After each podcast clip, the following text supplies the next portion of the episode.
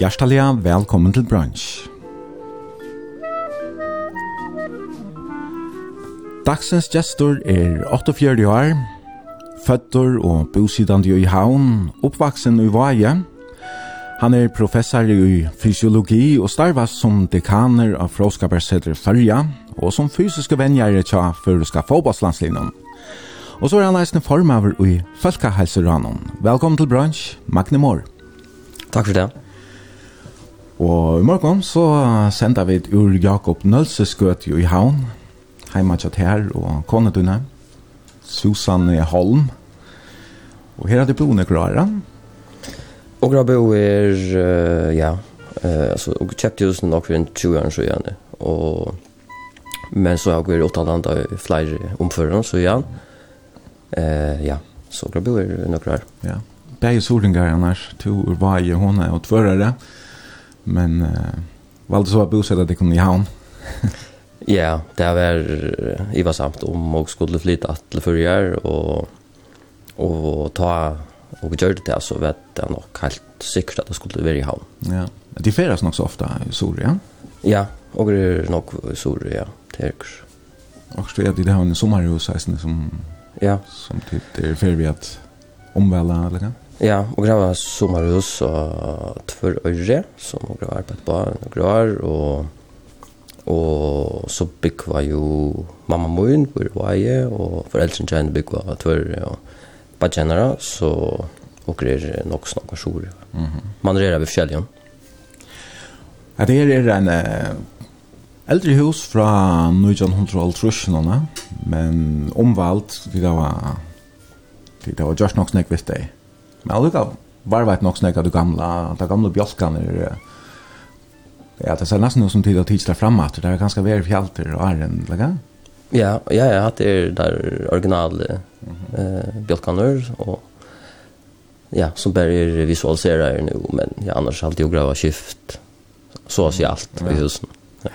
Innretta tjattaren og, og forskjellig annet, noe jankøk. Vi sitter her i en sånn, stor hun opp noen køkje, Vi eh, massor av eh, vintern og ljuser rundt om morgon. Deilig vever i morgen. Så det er kallt, ganska sånn der kæve utenfor, Men eh, solen hon ska inn, in här. Och... Ja, det ser, ser godt ut. Så Magne, tid her var fyra bøten till og Susanne. Ja. Och ja, några om det er her i morgen, hva så er. Ja, og det var en agent som är nu i januari som är i studentskolan och nu för Avlanten at att uppbygga ikke i sommer. Så har jeg en son som er 16 år. Hon kan grønne klasse og så har jeg en dotter som er 14 og hon er akkurat nå i Tyskland vid mamma sinne. Mhm. Mm och så har jeg en en ettnöllare som er tog år. Som får har rodat röja på i nu Janne eller Ja. Jag skulle göra också ett. Ja. Där samla pengar in till också grafer eller också fortalt jag allt. Till ja, till bara till det kupp nästan. Ja, ja. Så skulle där för ponering så att folk kan komma här och och Ja. Och lejan hästarna löte. Ja, så det bara affär ut i Hanadal. Ja, nämligen. Stolarna, stolarna nästan. Ja.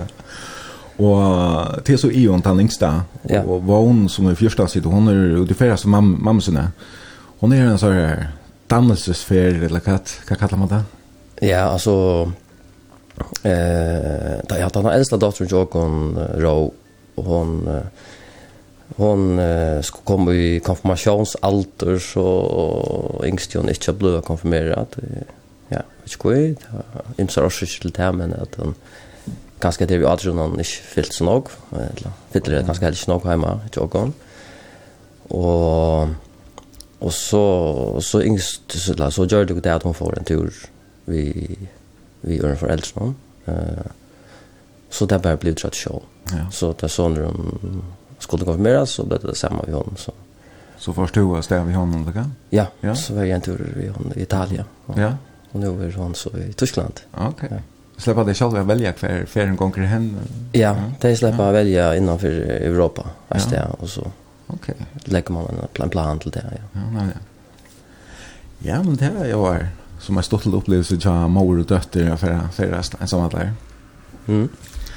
Jo, annars ehm to facts to fast vi earlier jag i som nämnde i början att du typ är så det kan när fråga bara fråskaparsätt någon och fysiska vänner till fotbollslandslagen någon och så former formar folkhälsoran och Du har reisende knutter i at uh, universiteten i Danmark slatt vekk, og, og er det stedet i heimen noen her du ferdes rundt og helt fyrlestrer, og, og det er særlig om det vi fysiologi og i samband med fotboll det øyelig ofte, men uh, du er øyelig virkelig, altså, og spekulerer på hvordan hundene får för tweet allt det her, alltså. samtidig som du fyrer bøtten, eisne, og, men eh, Da du fortalt meg at du til dømes ikke på Facebook, så, så blir det ganske gjøres en mening. ja, det var ikke hvordan vi får ut til det. Jeg har alltid har vært øyelig aktiv og eisen da jeg var yngre. Jeg eh, brukte øyelig noe tog uh, hvis jeg egen var jeg. Uh, det er ganske ta som om alle det, men... Mm. eh, og så jeg har alltid alltid jeg har haft rettelig nok eld, jeg det helt noen etter, og Men ja, jag känner att man för böten så måste jag gå upp och det är det kanske jag har kunnat brukt något i ja, alla möjliga ställen runt. Det är nog kanske att att du gynnar vi och hemmafronten så där. Ja. Nämligen. Men eh uh, Sean är snäga som du helst tror tummar brukar så något tog på, va? Nej, alltså jag heter ju nog Sean Vi Jag mer då väl hittar filmen. Och så tar jag ju och jag var men och så hittar jag nog chatten också så det det där. Men jag brukar helt ganska något att jag alltså så alla så som ganska nog gör det där och Jag vet inte, det, det går alltid något långt. Ja, ja, ja. Men det, ja. det är ju tog jag rövar, så de flesta alltså, sociala milar och, och sjånvarplaisen ofta. Så du kan ska bruka tojna helt på att att läsa böcker eller vad heter det fyra eller fyra lästrar eller Ja, ett lag. Granska eller Ja, ett lag. Ett lag ja. Så, ja. Nej, men vi kan gå sitta och de kvällarna och och skriva eh till dem och bara grinda och sånt. Det är väldigt skönt. Mhm.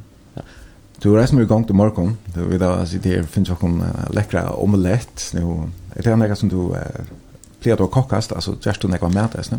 Ja, ja, så jag jag ja, jag syns ska rosa mig för nog men jag är nog dans som ger eh mest med den där. Okej. Så Mhm. Men jag har inte tagit borster sånt så så så kan ju jag går runt inte göra med men men men damer öde väl att göra med ja. ja. Det har vi just det är snä helt från över lut. Okej. Vad det är omelett alltså äggen är från ägnon höstnagare utanför här. Ja, og er eier fem høner mm -hmm. midt i havn. Og, ja. Så det, det er noe stort, ja. Vært på deg vel? Eh, I perioden, ja. ja. Det er veldig godt og det er ost og så, så, ja. så, så vært på deg vel, og så til mysketøyene og køldetøyene, så gong det minne vel. Mm. Ja, ja, men jeg vil ha hona litt. Vel smakker og ja, laksasalat. Nå skal jeg ikke røypa for nekva maten om det, men, men her er faktisk det lekkert morgenbord vi... Eh, heima heimagjord hon uh, laksasalat i eisen, ja, som du er røkte lakser som er blenda over saman vi um, uh, smyrja oss til omkring slag. Ja, ja, og leik og sorg, ja.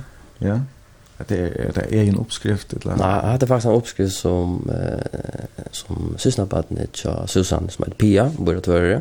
Mm -hmm. uh, som hun finner for henne, og jeg halte hon var bo i USA etter Jørskaj, og så halt uppskriften är från New Orleans eller Lockshort här hon. Ja. Bo bo ja. Smakar väl. Det är så helt säkert. Jag hade bara röjnat det så Det brukar nog nog så enkelt att uh, färdigt, ja. ja. Och jag nämnde Gera och gott gott gott län förrätt. Ja. Ja, det var alltså det var rökta laxer och katt annor. Eh det är rökta laxer och Philadelphia oster och en och sen där kaviar. Mm.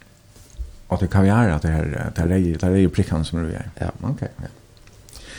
Ja ja. Så det var att uh, tusen här hemma är snä fylla kaffe i koppen och uh, sätta ner ganska lustigt att det är och med det är nog spännande man kan ju uppleva otroliga next och um, därför att höra sån mer om vi vi kommer långa chanser att komma in allt alltså vi bara ta London du vill ju så du var ju hon tog ju i Moscow London alltså bara ta som te här mine mig tur mig från. Men vi får rena komma runt så är någon om till Heila och um, vi sände ju beinleis så till som lustar kan nästan sända några spolning in uh, 2400 ett på Facebook så innan brunch där var BRO NSJ och skriva här. Och så får jag ju att spela tonlike som du valt Magne och um, Jeg hadde to fortalt meg at to fast ikke nek vi tonleik, men det er kanskje mer konan og, og nøkra bøtten som får stå til, eller hvordan? Ja, altså jeg har omgått spalt når jeg jobber før, selv om jeg har en mamma som uh, insisterer i kraftet at jeg skulle uh, fære av musikkskola og, ja. og, og lære at jeg men uh, og, og grøt jeg snitt orkel og så klaverer sort, men det er uh, hjemme, og mm Og mamma må spille selv nok, nok jordfører, eller nok jordfører, og Men nej, det är kanske hon säger i får angrat att det blir äldre. ja. Kanske ger ju till men jag har alltid simpelt helst jag har talent för det alltså. Jag har jag prövar jag prövar jag lära mig att spela gitarr och jag har inte hej evne til det faktisk. Nej, okay. Men, uh, men jag kan om en är musikalsk och bötner eller musikalsk ja. brukar något att på musik. Ja. Mamma din sang er i kore, eller synker i kore? Ja, hon sånt ju kyrkåren någon jomme och och ja. Eh allt allt allt från Alexander och mitt i Altjersen. Mhm. Mm och synker här än ja. Och Kona din, hon så såna hon var rocksångare inte att ha hon var yngre, eller hva så? Ja hon sang uh, i en så legendarisk om chatter som heter Revival som nok er til en. ja. Og så alltid han var en av han første uh, kvinnelige sankar inn under førjen som sang uh, rockmusikk eller sin til tunkan rock guys. Ja. Men hon gjør så ikke så nekvitt uh, langer, eller hva? Nei, nå synger hun alltid mest ja, til uh, fest, festliga leiligheter och ja. deltog i familjen och sånt. Mm. Ja. ja, och ankra bötten och gänga till och och skit och Ja, det har gynnsyn av musikskola, flere, mm. flere av dem ja. og nå er en jenta som gonger stadigvæk, og hon synker gonger til sol og sang på musikskola ja. nere. Ja. Hon er hever ankra ambisjoner ganske den veien. Jeg halte det, ja. ja. Hon hun, halte hon synker vel, og, og damer det vel. Det er det viktigaste. Men du har så valgt tonelagen til sendingsene, og du har nok lursta, jeg vet du tonelagen, og ja, jeg er alt mulig blant det. Jeg er ganske, synes meg er ivrig, det, det meste er ganske ivrig, ja, rock, kvosver, kan man säga. Och också er ganske mer, du blir inte ända någon och ganska inte mer du tänker. Men vi får lägga fyra vi klassisk tonläge.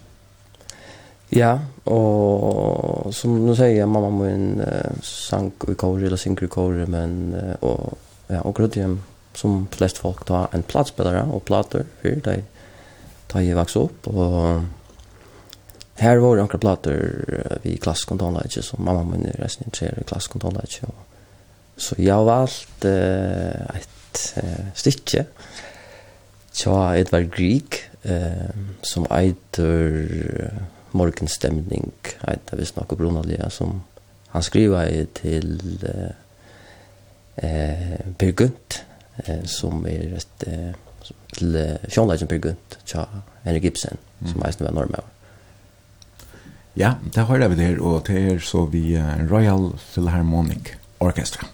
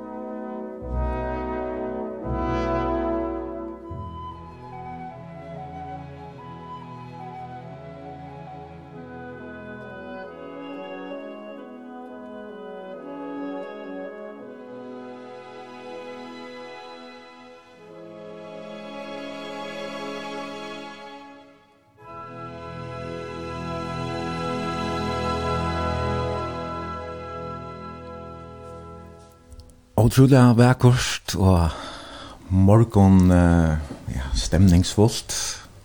Det var altså svita nummer 1, Morning Mood, som uh, Edvard Grieg komponerar i. Nekon nekon har han Det var Royal Philharmonic Orchestra som spalte, og det er Magne Moore som er gestor brunch i morgon, som vil tonleggen. Og vi sender beinleis ur Jakob Nålsø skøte i Havn. Og du er velkommen at Send okra spurning, gana bimersing, lana helsan 22400, 2400, eller Facebook-synet, tja Brunch. Vi da prata senter om um, te og familiene, kondina og bøttene, men um, to erst, uh, som vi nevnte, voppinger, men uh, føtter i havn. Hvordan kom det her, eller hvordan ble det til at du ikke var føtter i Sjore? Eh, det var at foreldrene kommer bo av Sande, Eh, tek in lära skola och det var Leo så flott till sans.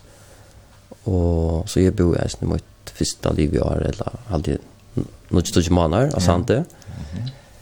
Eh ja, så så så ja, väl är så fötter och ja, sjukhus nere i hamn. Du falt några tillknutet till Sandötna eller till Sandsbygd eller det ser man? Ja, det är alltid alltså jag hade alltid i att sorringar häva till alltså föla et eller annat i forsantingen och sånt där. Mhm.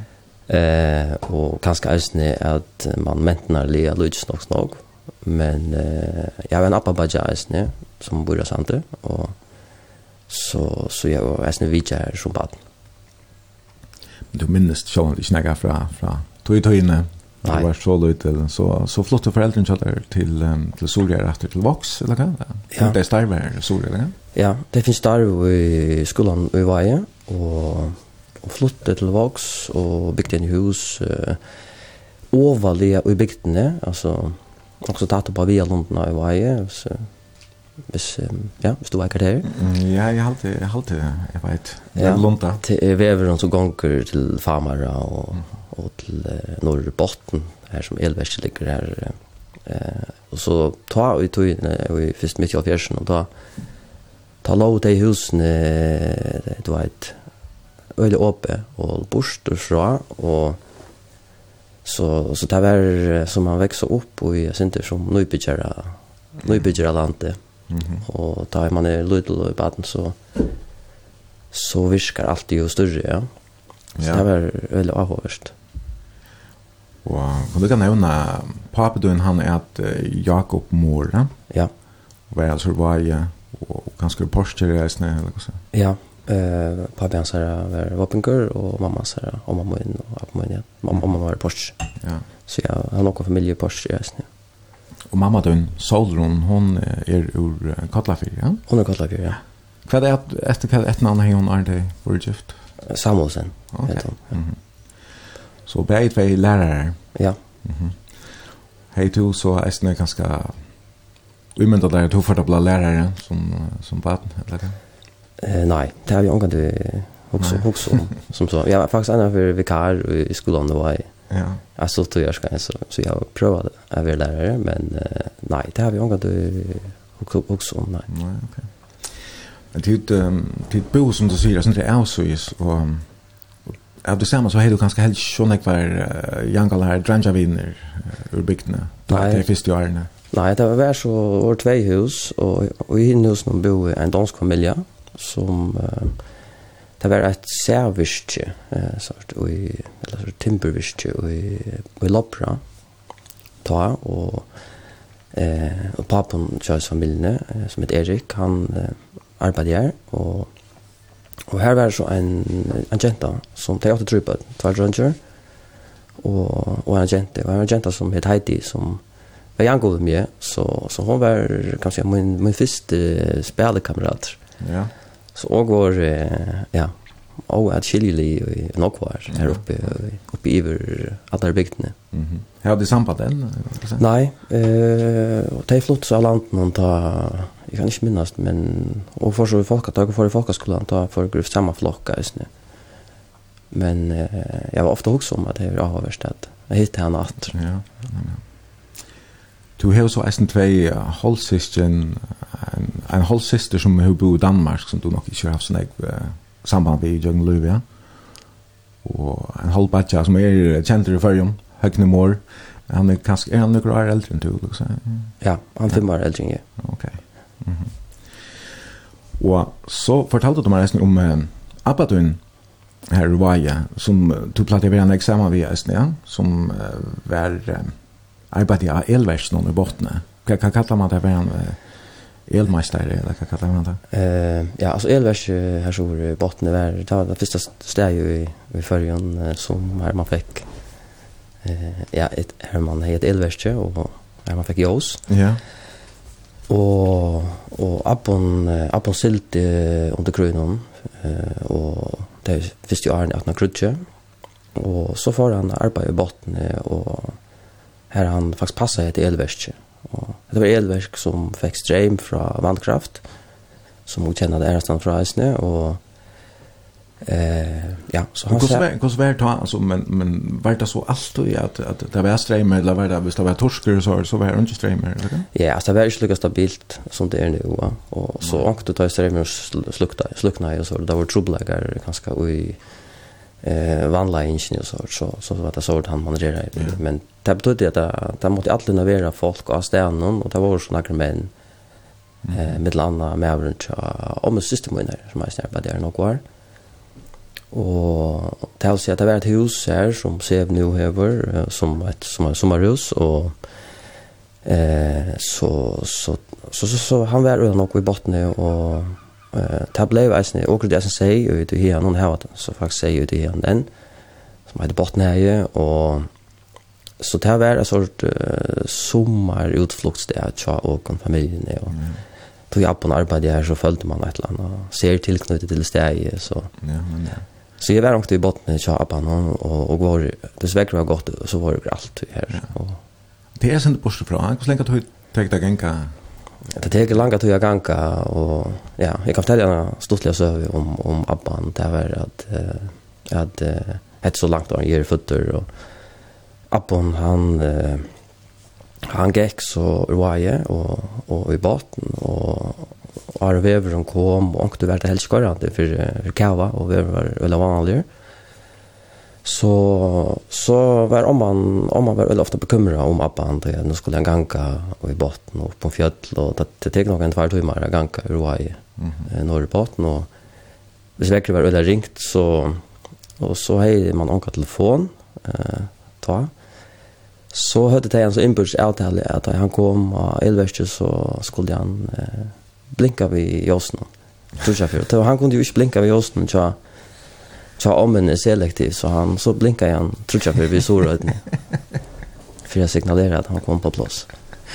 Och det var det var något som bara om att du visste om alltså Ja, jag hade ganska konar så och kunna hinna man som arbetar i resan. Helt luktande det allt heller. Ja, okej. Så det visste han, okej, nu nu det kommer fram i ett gång. Att gå. Hade nog skinji det, alltså man lägger tog och blinkar visst. släng. Nej. Nej, men då var det ganska eltålen är sen några andra än man har det och och förbruket jag helt inte lika störst som det är som det är där. Då var det ganska mest till jos alltså att man brukte elen. Ja. Men ehm du glädde för att att det hade säga är snö och så att jag vet inte har la och på upptun är snö kanske. Ja, alltså familjen har så har haft sig alltså långt efter i tryna och Och här den, eller? Och, och graden, ja. Och så pappa min dog ju i eh, i 2015 och här var ju han som hei sig hon och mamma min har så haft sig så ja och så hjelp och hjelp og grön så så något som kunde vi då. Mhm. Och det dit båt där sen eller? Ja, upp uh, hei en båt och eh så Ja, ja, så jeg brukte øyne noe tøy som baden eh, jeg var ute fiske, vi appa min, pappa min, og pappa min, live, og Eh, det var fantastiskt alltså. Och brukte jag snöma gott och vi Ja, man är ju säger sånt där, reka och hjälpa mm. till där, det blir flett och, och sånt. Ja. Så nek ute i naturen? Ja, öden nok ute i naturen och det var att, eller, eh, det var så att man får ut og spela da man var baden och så kom man inn etter da man var svanker. Det var, mm. det var nok så att när vår dag. Ja. Föräldern så där var ju lärare som han nämnt nu flera färger och du plattade för i skolan vet han och är du själv blir för slapp plats ja. Ja, eh alltså föräldern som är eh ja, det var ofta ute i skolan om om då att var fyra kanske om kvällarna och gick högt på så det är inte och Och så är det pappa må var öl ofta ute och han var lärare i Alsrö, Övnafrö och i Utröte och Och så får jag ofta vi och så spalt jag i utrustningen och så då men slapp jag in i fysik då när jag blev äldre. Bland av fel samma och och och då sprang det också i luften nästan så. Okej. Okay. Och så var det var det svimmig jag hade i samband med skolan eller Ja, alltså jag hade att det var hvis jeg minns rett, så var det nok en av første som gjødlen, som var 25 meter langer, som halda flest skoler i førjen høyde eh såna minne minne som jag hade och så kommer så aldrig någon kände nu tjän kommer som bilar nu var jag och eh ja så jag var öl ofta svärm och tabla i väsen så vi alltså satt när vi min egna familj att och för alltid i skolan som jag så men ja jag kan fortälja en ena söve som är eh alltså drar var vart och det var att jag hade heter nu kände nu så fjärs jag är ute och i som mjødlene vi pappa munnen, så jeg var fem år da. Og akkurat vi var med, og så var han oppatter, og han er sånn til brusene, og så, ja, en eller så renner jeg ut i svømmjødlen natt. Og løp jeg da ut i jobba, og da døde jeg ikke svømme. Og jeg minnes det så ikke, men det er så fortalt for meg atter, men eh, men heldigvis så var eh, eh, mamma Jan Hestøy, som akkurat kjenner og i svømmehjøtlen da, og han har haft okker skei, og har kommet natter etter omkron, og jeg og tilvill ser jeg, jeg hopper jo døy, og fikk bjerga meg opp av torsdag. Ok, så hun har glemt deg okker etter ganske år, altså? Ja, rent av tilvill, det hadde hun hei korst når jeg tvørre, og jeg kom til bort, så jeg så minst til at jeg la okker etter, og fyrir natter etter, ja. Mm -hmm. Øyla til vildalt, kosta hele, ja hur kjøtt det kan ganga galt. Annars kunde söva någon Magna Moore kanske ända här. ja, det är det. Ja. Så hei så neck var gaua viner i någon och och de gör det Neck du du blir jo veldig aktiv i ta eisne men åren vi får prata med dem til altså vi ska spela en sangkatræt og det är kanske en fra ungdomsåren som vi slår høre nu et orkester du lustar efter ta, eller kan? Ja, alltså jeg, hvis jeg skal ta ett först første orkester som jeg ordentlig eh ja, Blev intresserad av det, det var Dire Straits, Ja. Ganska sin snett ut om man är är eller unger men men det var att han flöv han kom ut som I the brothers in arms som den blåa flövan vi ja, eller platan vi gitarren då. Och timern lustar ju eller väl efter och och Ja, ja, jag så jag så valt en sank. Ja. Det var ju Dire Straits var otroliga stora basket och Martin Affler var ju ja, man tog sig om han kanske var den bästa gitarristen i heimen och hur så akrobat ta. Ehm och och att han bulker en platta som man hörde alla stanna. Ja ja, och det var att det var underhållt att mot nu till vis vis jag har ett gott orkester det där så det första jag gör det var att finna telefonen och och googla där. Nämligen.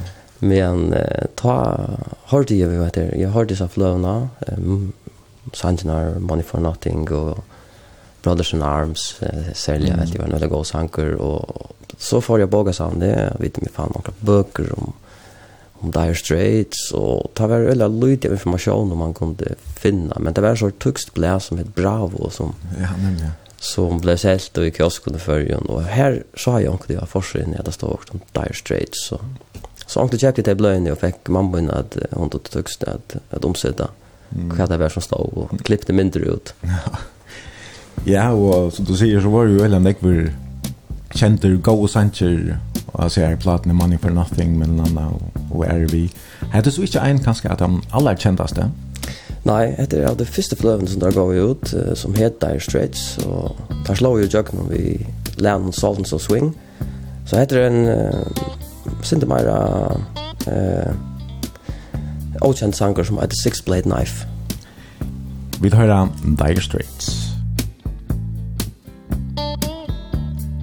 six place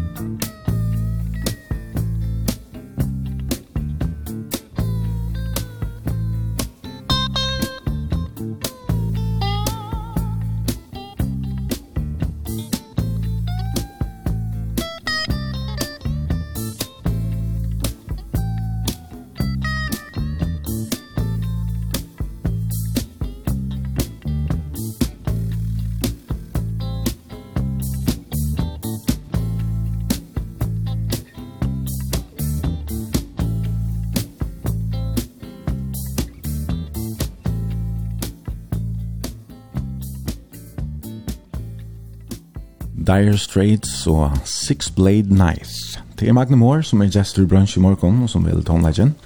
Og vi sender beinleis ur Jakob Nølses gøte i Havn, heima til Magna og Susanne.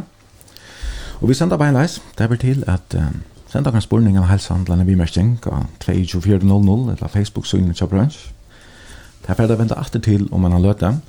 Vi var kommet til uh, ungdomsvarene, her du blir jeg lufta ganske etter ordentlig om tonleitje, eller hva skal man skal si, fine sanger annars er sånn Six Blade Knife, som ganske annars ikke er middelen der mest spalt, til Dire Straits.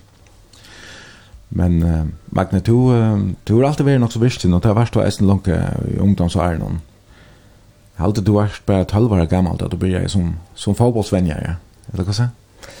Ja, altså jeg vi får uh, börjat sumja kapp eller sumja vi sumja för landet var i tre år ja ta det blast ona det nu känner du för fors och sväm här i några år och och om det här månaden blir jag spela handboll och fotboll vid VP så jag var väldigt upptagen eh uh, av tog och ja fann ett eller annat som var min vär och, och tog men uh, men så blev jag Ja, ja, jeg helt bedre som jeg, du vet, det ble for nok, for fotboll fotboltrum, et eller annet sted det i bedre enn jeg.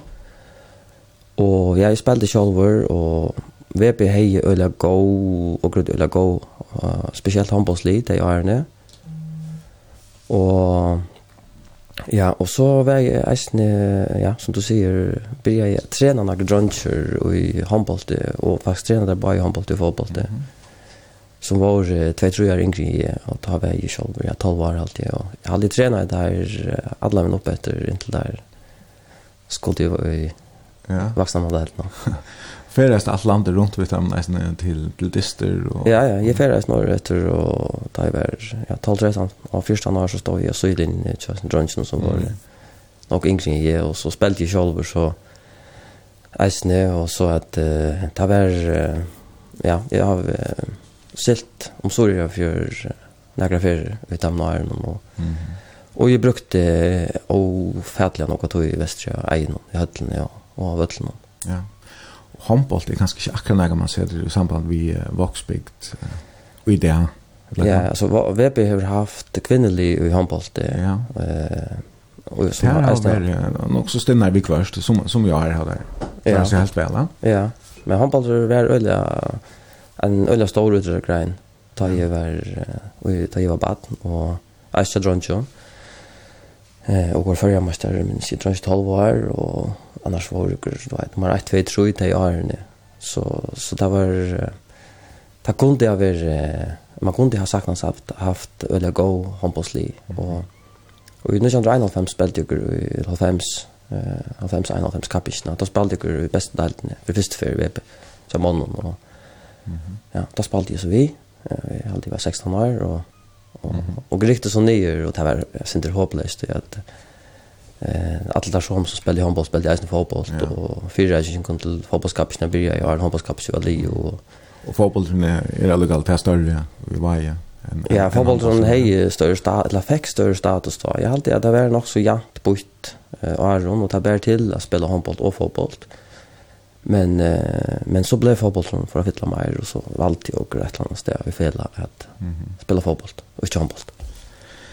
Men här blir jag ganska ahund det här för att vänja långt alltså som ja, 12 år gammal vart vänja till hem som var tutsch och yngre och, och vi kommer att ta oss mer om fotbollsvänjning till hur fysiska vänjer till några av hemsens bästa fotbollsspelare och i det är stå eisen till förska fotbollslandslinjen. Men allt kan alltså spåras efter till uh, talvara gamla Magna som uh, som alltid tar rensner som var några far yngre. Domt det var var var hon alltså lightlutern som vänjer vet han några som tilltalade långt ta eller de flesta trenden här som alltid där vill jag bara spela där där kanske inte så och hur är det taktiska och allt det som, som det rett for det. Jeg vet ikke hvor jeg kom inn ut der, men uh, altså jeg var uh, aktiv i Øyla Åkfond og i, og i Vaje. Uh, først og fremst og i VP, men eisen og, og i Øron Parston. Så jeg har alltid mer at det var ganske at jeg hadde leid etter venner, og så, så sier jeg ja, og så mer dumt det vel. Og, mm -hmm. og det var uh, spesielt i forhold til nå, at jeg får, jeg får jo norr etter og, ha havet etter gamla smyrle vi vi någon drunchen som var ja, ikke nok ikke nok yngre enn jeg selv og og transportera det der rundt i, i landet. Det er nok så nok vi ansøkning til da vi eh, man får ut det er foreldrene ja. man, man som dekker bedden det er det færreste ja. men ja. Ja. För jag kanske jag tror förra vuxna stäv jag en på att Ja. Mm. Men vi är dumt att öla väl, ja. Ja. Du har annars en ja, när jag går vinner till till vår alltså när jag var utåt vinner ta han som som ja. var liksom och det det lock. Ja, det finns ju är det där jag som blev eh för folkskolan så tar vi affär mer om man i bygderna och och hej några öla går vinner som bor i grannland här som jag här som jag växte upp det var så som min, min første ordentlig vina bolker. Og så tar jeg utråden på jeg fylla mer så blev det, så blev det mine fotbolls og, og håndbollskamerater, men Men det var et øtje fra her cirka midt i bygdene og, og vest til vattnet her, og var øyla noen drøntjør, og, og ja, som eisen drøntjør så her det var aldersmoner, altså, det var ikke som han bare spalte da vi det som han var janga vi man spalte nok snakk vi vi dronjer som var eh, tve tru er yngre og tve tru for er eldre. Mm -hmm. det var altså fantastisk tog ja. Ja. Jeg halte du greit man fra jeg snitt i bygde flækar og så det var ikke bare utrotter det hele Nei, altså, åker, altså, det var, man var uh, ute i alle dagen og spilte, og Så han spelade ju fotboll där isne och för skillen gräsvötlon och och skola löven och så är det men och byggde fläkar och klättra i och spelade crutch och mm. Uh, så det var ett ett öliga nog örvus eh, barnalöv en mynet på eh här var ju det. Ja. Ja. Och du har gott samband vi uh, när var det hem eh, vi mån och stad veck alltså. Ja. Ja, det har vi och och, och mötas då och ja. fokna en öl att vi. Mhm. Och så som Alusen till äldre, jag vet inte i var den kanske en nöjan 20 år gamla ta ta stanna det där AHA fälla. Ja, alltså och så starkt jag eh jag själv och en Dennis Holm som de flesta känner som eh var borgarstyrare i det nog var. Han och en annan god kamrat som heter Boe Dahl. Mm som er form av i Nutcharsnämnden här så og och var aktiv i øyla och med landa i Nutcharsnämnden. Eisne og brukte øyne og tog her av fire kan du det gjør at her enn. Eh, og, og ja, og valg så hette var om til måned i halvtid ta i togene her blir blån og så ringer i alfemsen og, og kreppan som var ta rakt eh, sorøytene harst og så sterkelig sånn helt av sorøtene, Eh, Og og gjør så at AH fela her og samla i penger inn som også går til forskjellige fellesskaper, med landa VP og eisen til langra einstaklingar og, og sånt. Så kjipa for danse og at møle ting og så går det faktisk eisen jeg blæ ut. Eh Uh, jeg vet ikke, kanskje minnes, jeg alltid kom med en en åtta blå ut. Okay, ja. Og, som du så selt og så fikk de pengar inn ta med en eisen, eller? Ja, alltså jag halte jo sålt det for øl og løyde, men, part was foot check det eisen i det är Okej. så det är ganska mer ondskuldsförrättning. Ja, det var det alla alla högsta grad. Det var inte något som som några tjänte pengar på, men det var så skriver jag om lokal lokal uh, fyrbrygde, men eisen är nog så eh, politiska sparska grejer. Ja, ja. okej. Okay. Sunnan tog in det, hade det det? Sunnan tog in det, ja. Mm. Ja.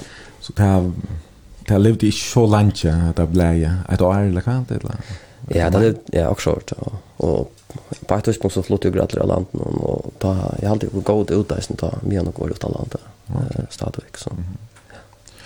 Og du sier til kjipa for nødgjørshalten, og som er at de gjør det enn, altså, nå er jo nødgjørshalten i veie er jo tiltidig for å være størst og flott, og vi har nok alt säga seg mynden her av av baten som vi bränt og som hva kallet han det här facklander som vi har bläckar i i Bali og, og så videre. Var det langt blev blev så størst ta eller hur skulle släkt åter det här nu jag skalde. Jag snurrar nu alltid alltid aldrig gångrat till en trusne och och det blev alltså kom alltid till lä eh tog att uh, ta var danser och sånt det var ungdomen hej ganska kör den där stäv affära och så var det några uh, tog vi att äta nog nog uh, ballata och gött någon där ungdomen inte hade några såna affära så eh ja finner ungdomen upp på ting. Eh och så valde där att att skipa ganska heta kvällen och köra så att det är ju nog så råkallt eh eh vid det inne och Og så tar vi det kjipa vi varsle og kjennlagonke og bale langt ta atre og så er det kort til lukka søyan og eh, og færre et eller annet sted er nye arv fra eh, da man eldre til der yngre mm -hmm. og nå det er at hvis du om man hittar det der fyrkjipa nå kjær så er eh, ung eh, folk eisne vi ja. så det er eisne eh, brøtje og, og, og eh och Arsenal tidigare efter Brötten Tojon. Plejer du att vara här så där? Annars gör Ja, jag är inte allt. Jag är åkt till Havn och åkt till Åker Jotalanda och till till förre är som kom ifrån. Men, men ta grejer så så, så plejer jag att bära fackel och det. Okej. Som, som för det, det är helt, mm. helt fantastiskt och speciellt. Ja. Du glädde från Jan här att Susanna, Susanna Holm, Kona Dun, hon eh, platte jag syncha vi eh, revival da, som platte jag spelade dansarsjore ofta i TP-husen och här platte titta snart vara i dans att förra det eh, jag vet inte det kom efter fram från var var där vi bussen eller föräldrar som körde till och så ja och det var alltså det var det man ska vara sånt det skiftande det skiftas då man vara dansare i varje och att förra och och så körde så ja de, de, de som bor i Sunnareheltene kortet så til till den norra helten av omvänt. Ok, så det var simpelthen en sånn skipa avtale at ha att man visste läget hans samstundes bergstöjna? Ja, alltså onkel du vet det, men det blev illa dumt och det, det hände. Och som har runt jag samlade till samma sted. Så. Och ta vär, alltså tog innan var Örvis då man tar affären till norra helten av vär. Ta samman och folk som man vanlig inte så. Och Ja, alltså åka kartor som rekol åkte i bussen som åker lånte och åkte hade det som man kallar för privatchaufför. Det var så det var onkel som uh, inte smakade sig av som kartor och och och åkte det föräldrar som kartor jag snä åkte var snä mot föräldrar komma efter det man slapp hem att. Mhm. Mm så det var jag ville stått lite då. Ja. Ja, var du. Var det här du uh, som fick av Susanne eller hva? Ja, det vet jeg nok. Vi sang like loden om. Hun ble det synes jeg at leser her også Songkrød eh, kappenkanner som, mm -hmm. som var ta i førjen som tjatt ikke kjipa i fyrtøy, men Det var nok podlarke alltid, som, ja. som hadde kjipa fyrtøy. Så det var nok her, og ja. Så var, tar vi resten jeg et, så får jeg ja, HF-setten jeg ta. Da møtte han, ja. Da her, ja. Mm -hmm. Jeg hadde visst for å spille en sang av tjad, og jeg vet ikke om, om vi skulle ta Guns N' Roses, eller Deep Purple, eller om det skal være en annen. Eh, det kan godt være Guns N' Roses. Det vet ikke om har jeg sett i samband med uh, kondene. Ja, alltså Guns N' Roses var alltid ett då bämmi välja också att vi tog in det och och det var en sång som också lustade något efter då då det första jag möttes som heter det heter Don't Cry annars är Guns N' Roses i kölda min kapper av te synte för Sicily rocker. Min tid. For Sicily. Ja. Ja. Okej, okay. men alltså annars hade jag Axel Rose, han var inte akkurat helt tiden för jag var skikkelig. Nej, men mer musiker än allt. Ja, okej. Okay. Ja. ja, ja. Ja, men vi har han här. Det är alltså Guns N' Roses Don't Cry. Och jag kan minna en annan affär att jag som Magne Moore som är Jester Brunch i morgon och vi sänder på en lejs to som lustar. Välkomna att sända vi märkning hälsan ett la spårning av 2.24.00.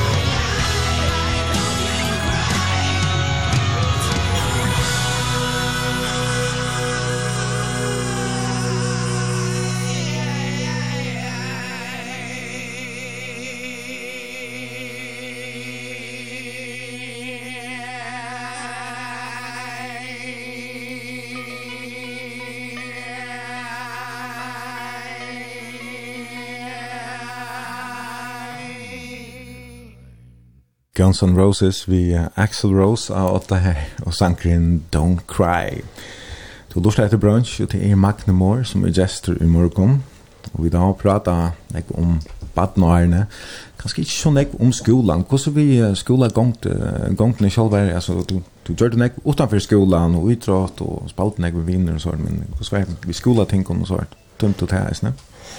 Ja, ja, pastvist. Uh, og ta i förskola ta alltså jag var som föräldrar som fortalt att han ta ta alla det att att låta mig bo i ett år ta i allt det. Det i vet om jag det var big one affär i sista block ja förstå ett år sedan du nej nej nej nej får vanligt tog men okay. det det var ett som det eller det så att det det var ett så ja spelbaden att i vet om vi skulle bo i ett år men så var det en av kamraterna som får så får det ta Og med dem til å fædelig vel av gang skola det første åren. Altså, med trevst øyla vel, og det er aldri trevst øyla vel, gjennom alle skolegångene. Men jeg helt at det var en spennende stort gang skola, eh, første parst av, av inntil framavsteltene. Ja. Og ja, jeg halte det, første åren da satt jeg fremst, og fyllde vel vi.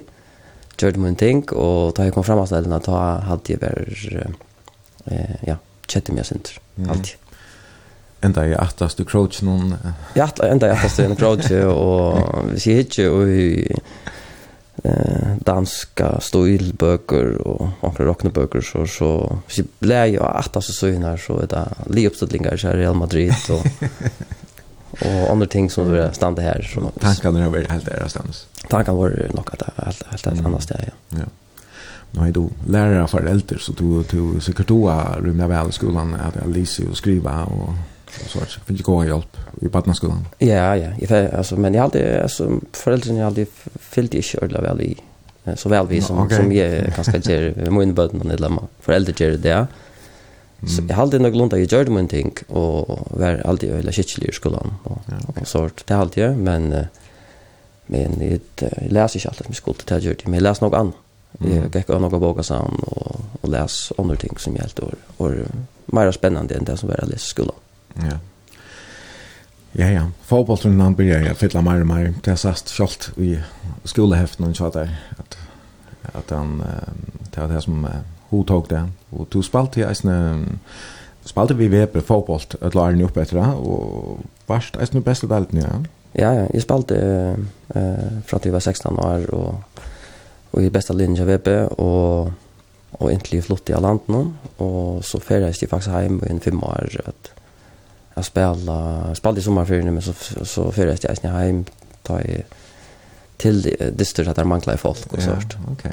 Okay. Så det är förstärkning eller kan det några viktiga dyster Ja, eller tar man är så lite fotbollsspelare så ja. så hör man inte lika nog var mm. nog folk att ta och Mm. Så det var något vanligt då i 90 och då så still 90 att att spelare förrest hem och spela. Ja, Det var så en time. Mm. Du alt er der at for at uh, læra til elektrikere. Jeg vet ikke om det her var noe som uh, Abedun har kanskje uh, givla og hoa fire eller hva? Eh, jeg vet ikke hva det kom fra, men jeg var i praktikk og i, jeg vet ikke om det var i 8. flottsel også, tja, tja en elektrikere og uh, elektrikeren Gudmund Larsen og og dømte det øyla vel og det har jeg akkurat planlagt og jeg har snakket vi han om at ganske eisne få altså lærplås Eh så 18 000 flok för arbete i flaggavision om ett år och och ta för eh eh några men kamrater som var äldre tar för så HF som vi tar och och ja och helt det var fint att ganga här stort lut och socialt och så alltid jag för HF. Ja. Det är ganska lukas näkt för att vara samman vi vem man någon alltså. Ja, jag har inte på det här tidspunkt också om jag skulle bruka det till någon nej.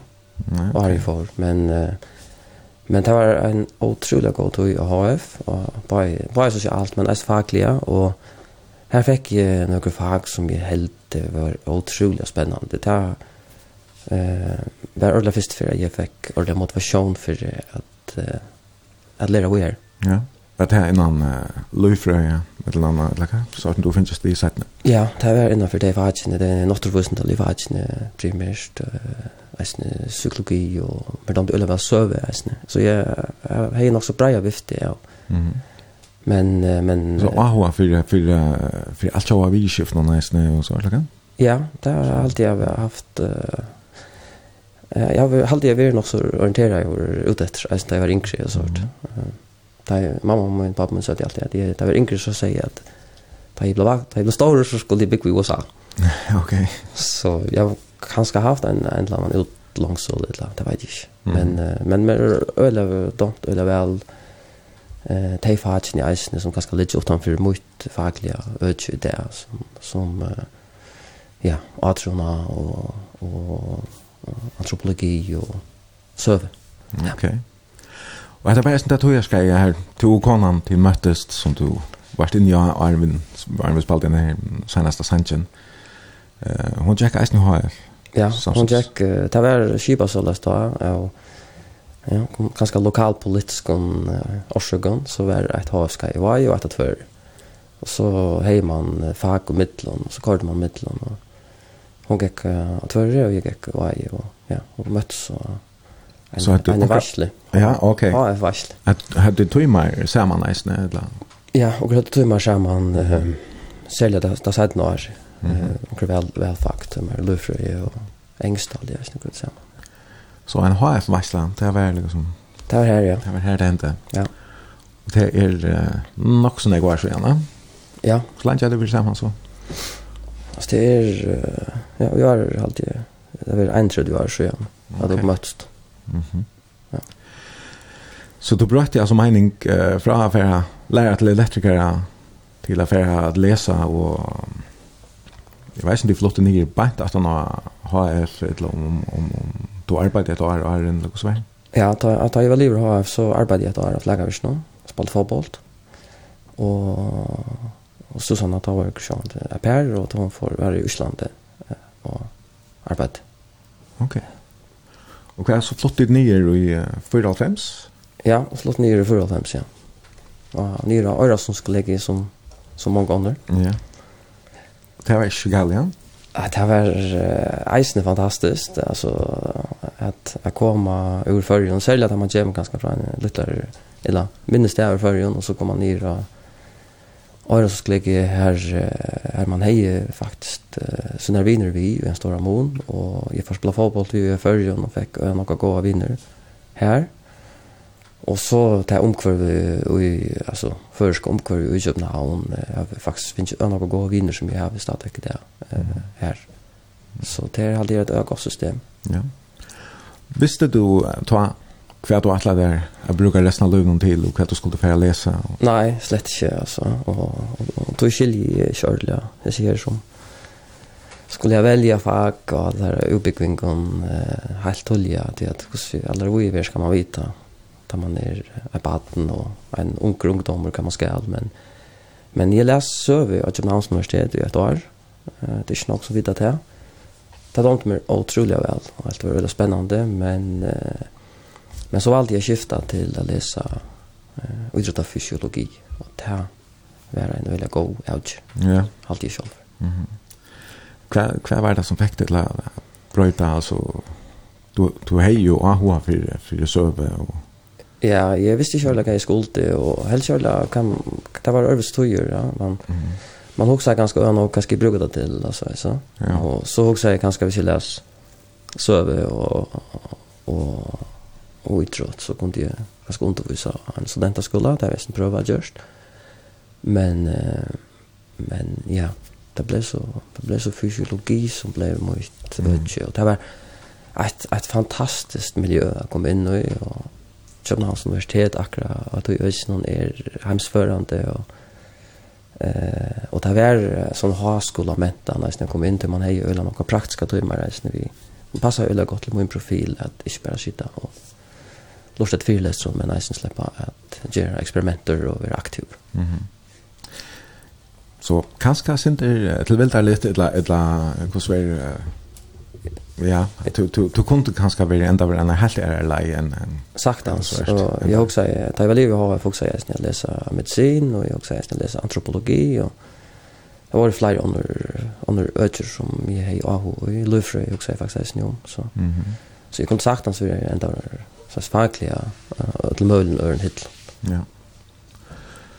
Det var så eisne av universiteten hon her i, og, og at det er ganske sinter til vildarelta eisne, men altså en lega som kommer hava en uh, avgjørend uh, tøytning for uh, tunna luslei, at du varsla en fyrelester og, og øren og her, Ja, jeg varsla en fyrelester tja, tja en kjent om dansk granskare som heter Jens Bangsbo, og han uh, var veldig spennende, og jeg spurte sånne spurningar under fyrelesteren, uh, så åt er en 200 folk og så tar jag pausa där så får jag man snakka med honom och spurte sin mer det helt at det var så avvärst och tar jag det var livet så får jag åter om han att plåa annars inte.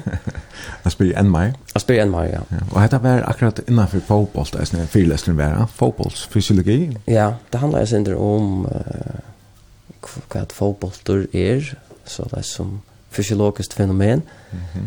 Og han helt at hvis du sentrerer hvis nere, så kan du ganske komme at uh, hjelpe sin til, og så uh, fikk jeg en avtal via at en fond via han, og så bjør jeg meg vi og forskjellige uh, hjelpe til og granska granskere som hjelper.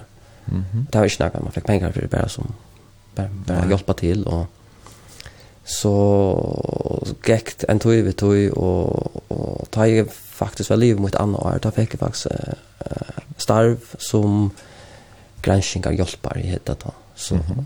och där gick jag nog ut på att röna utveckla metoder till att kunna skrasa det där fotbollsspelare gör med andra spel. Och ja, det var Ja, du testar ju fotbollsläkare alltid alltså. Ja, jag testar ju så kom jag i kontakt med det urvalls fotbollsmiljö i Danmark och var tillknutet Brøndby som heter det gott och jag tycker ska. Mhm eh brukte tær som eh, kanskje säga testkaniner och visner projekt som var involverade i och tog en gekk eller shot eh, så så är snär eh, Jens Banksbo som jag arbetar samman vi eisen en annan kollega som eh, ja, vi arbetat nu sammen vi 25 år som heter Peter Krustrup. Eh vi blev eh, øyla väl på så personliga men eisne men arbetade øyla nog, nog sammen og, och gjør det kanskje noen øyla slåbrådende studier til Arne, og, og jeg sner, ja, veleieren kommer Jens Bangsbo, han, han ble så konsulenter til Juventus, uh, som er, ja, middel det største fotbollslinje i heimen, uh, og i Torino og i Italia, og dette var 1995, og vänjer til dem tar var Carlo Ancelotti, eh, som Jesus skulle möta efter seg i löven och jag blev så hongt på ett här arbete vi att eh, arbeid vi att menna kampanalyser och tester och individuella träning av Juventus. Så. Ja. Du säger att det var slowbrodande kanskje kan vi ta til ta i tøyne. Hva kan du kanskje greia lysen nærmere fra akkurat hva det gjør på? Ja, altså da har man ikke sån här øyla finere teknologi som man är där. Man kan skra seg, det att at leikere gjør det är allt så som är automatiserat det, så som greia brukar förska fotbollslandslinjen skal det. Eh men uh, med ta et in så videofilmer jag spelar och så gör du tester med han, och tog prövar och og muskelprøver, och for jeg skiljer hva det henter fysiologisk, da du spiller dette intressanta spel som hade fotboll. Mm -hmm. Och och så är det kan inga som och gör det här så är är till mest entergivni och i visna litteratur innanför det och i nära då. Så där var ett land ställa rakte vid en en det rötte stod inte rätta tidspunkten och och det här som exploderar i ett land där vi att ja det får fra att jag spelar fotboll till i förrjon och åkte först hem och spelade fotboll till vi VP till att föras till Italia och Gerard Trensölser till Sindin Zidane och Alessandro Del Piero som mm. med landa vårt största stjärnor ta och och, och möta öllnisne folken och Juventus är ju ett väldigt traditionsrikt fälla och två batchar eh som åtta där ta som är 84 och allt möjligt är stora fyrtögger. Eh Så det var en helt annen vei att tracka in och, och, og samtidigt vi til den her granskningen och om slå så nok ved jøkken internationellt som man gör det så ble man ju bojen eh, till halta og och upplägg och og och og etter runt om i verden. Mm -hmm. Det må, ja, som du sier, här, er en, en veldig stor bröjning å komma från Klövermarsken spalt vi ungefär och så ner till uh, Juventus och och så mötes den här stora hemstjärnan som du säkert bara i sig och var Arlen. Hur så väl det att komma så tatt på hans valsen här på inte alltså och, och ja testa det i, vi hade det väl när sagt men alltså alla ändar och kantar alltså fysiskt um, var det lätt att att komma så tätt att dem, alltså Ja, alltså man sjön det ska likva mig för man också vara starstruck. Ja. Vi blir när fast men jag är så arbetar sen vi Brömby och i Danmark och sånt Där var ju äsne kände lägger i Scholten där i Sverige och tog eh kändes nivån men men det var öle speciellt det man säga och ofta när måste jag ganska ganska minna mig av att det faktiskt var var väldigt och det var uh, otroligt avvärst men alltså jag hade alltså jag hade inte jag hade inte blivit så nog imponerad över det grundläggande av att av folk som är känt för ett land speciellt ett land mm. men men det var jag kan inte lika från att det var det var snett och till tur mm. också att man känner why och nu ja ständ man här och och oiler och det fotbollsfält i Italien efter några av hans bästa fotbollsspelare. Ja. Och så fast du en en öliga stora vitan nästan om så här enkelt att spela en rackare kostar det fyra och så har då jag kan bara invänta mig så det, nästan blir helt det sin löjligt lite akkurat ursliten till dem imska ja och så vidare. Jag har alltid varit också öppet då och ta och går ut helt upplägga rastävnen och så det kanske tog att eh att det som också gör det blev så ser starkt där att och och presentera i sig förslags urslitne och studier som ingen nägrande är just för med landa vi att ta pröva runt dist och ta likar ut ur dist och ta eh pröva för att musklerna och rönna skilja några time mekanismen som ger muskler blir trötter eh och och men det att kunde knyta det på ett några praktiskt och att kunde knyta det att ja, men hetta ger sin din sidan, hetta ger Del Piero, och Pavel Nedved, och vad det är. det. Det her ganske blei attraktivt för folk att höra om vad det det som vi ser store fel i Nigeria på det trenet. Och läkarna var vi på allt det her, jeg snøver teknologi ut mitt i dysten och det gjør provar och Ja, det har vi donkat haft trobleikere. Och så lät det så vännerna till rattes efter tog alltså Ja, vi gjorde så som att vi körde profiler av läkaren och mm -hmm lust lusti øyla vel kvæt vær tær som den enkelt leikaren skulle eh vera gå til. Vi mun til tær tær enda mål som venjaren hei vi leikaren. Og så gjorde vi venjingar øvelser som som det var fysiologiskt korrekt, men som eisen passa i til den leikloten av vøtlen. Så, så at det røyne å venja så tatt på det som fyrgjengur av vøtlen som gjør det. Så på tamma at han får optimera for en enkelt han leikare. Ja. Altså, Ja, så det var øyla nok at vi trena i individuelt, at vi trena i leikarne og i balkon, av leikarne som høtte eh, samarbeidlig krøv av alt. Og her gav urslig? Ja, vi tar, eller, jo, det er Juventus-lit, jeg vet ikke om det var tog, det høtte jeg snett veldig godt liv, men det har vunnet flere italsk meisterheiter i Sjøren fram til eh, 2003, 2003, 2004, her om lei. Mm. Og ja, ja, jeg var så i Italia i perioden da, og, og fyrrest midtelen, og eh, kom så eisne, ble så eisne eh, parster av danska fotbollslandslinjen ute i sånne perioden, som, som fysiske venner, ja. 2001 og 2002. Ja. Det var, var det her Laudrup-brøverne som var venner da? Eh, Mikael Laudrup er hjelpevenner, og Morten Olsen var akkurat byrja som okay. landslagsvenner da, og Ja, mm så där så för jag sig runt vid timon till att det är en. Det var nog eisne i, i Champions League-finalen, ja, vi uh, Juventus. Ja. Var det, var, var, var, vi her? Det var 2003, ja. uh, der spalte. Eh jeg var ikke vidt til standisten, nei. Ja, okay. Men jeg var vidt til, uh, til uh, noen av fire ja. til det. Jeg møtte mm. Milan og tappte på straff. Ja. Ja, men... Um, du har jo vært alle møter stedene rundt om i heimen og, og greit for oss vennene, men du kom så eisne at du følger, og hvordan var uh, alltid det nek som minnast, uh, da to og Sigfrøyer um, for i gang vi at gjerne seg her uh, testen her eisne i følgen, det gav hvordan var eisne i Ørslit alltid, og flott og først kan fotboll, og svegna til årene. Ja, altså, og jeg rødde jo spalt ved tankene, og bo i København da, jeg bor i Amager, og jeg bor, så min gode vinner rein Reinerst, eh, og hjørnen av mellom Holmplassgade og Østersgade.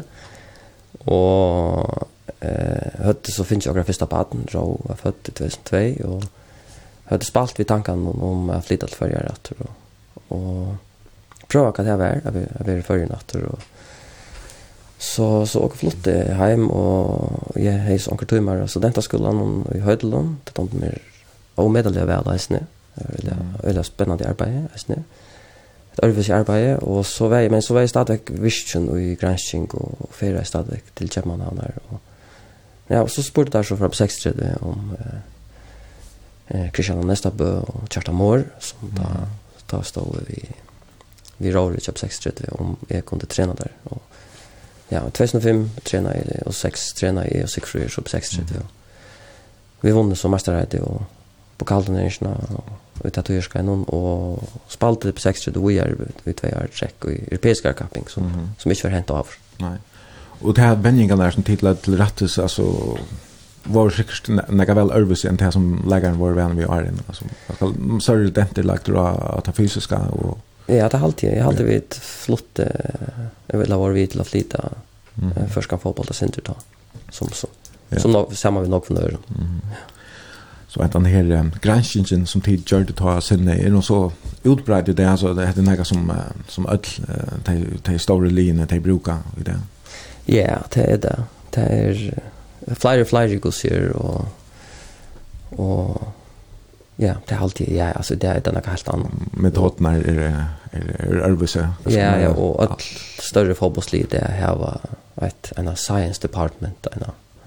Ja. Det sitter allsins sefrøyngar og, og hjelpa til, så det er rett. Jeg kjemper bare at... Og mat et håll av et eller annet slå, så det ikke var oppfunnet ta. Nei. Alla verst, Magnum, vi får prata vujare, men jeg halte vi skal spela et lea chat. Og um, Deep Purple, litt av naster her av listan. Ja. Hette så at det er en rocker. Jeg sier ganske ikke så skikkelig rocker som... Nei, det er ordentlig rocker. Eh Uh, ja, The Purple var ett orkester som uh, jag och kamraterna eh uh, så vi var i Lorsheim och efter och tack det Varsler och och ett land där ett orkester som är fyllt med sen sen alla tyna och så kan jag fortälja här stort en alltså lilla stöv att det att att kona mun sanka tujerska vi rockbossen och Chase som kor mm -hmm. kor sangare och eh och där var hur hittade jag för upp för ett orkester som heter Ian Gillan Band. Och Ian Gillan er ju sanger i Deep Purple och ta hei så hör vi att möta Ian Gillan. Så det var ganska ett, ett större upplevelse än att möta eh, øtlene som kände fotbollsspelare. Ta var du en starstruck ditt lenge? Ta var jag alltid öjla starstruck, men ja. det er alltid. Hva er det der var? Forklapper? Nej, vad var det? Ronavik? Eh, jag har spelat en konsert i Ronavik först och så tar vi så i Sverige och det var 1925 så att och så spelade jag en av Höllen i Holse men Ja ja. Jag slapp så vi i den bussen när vi Höllen som musiker och så att faktiskt vi så inne där i en gilla och vi i så bussen och pratade vi han så det var ser starkt. Ja men vi tar han där, Sinja, vad heter Deep Purple och Perfect Strangers.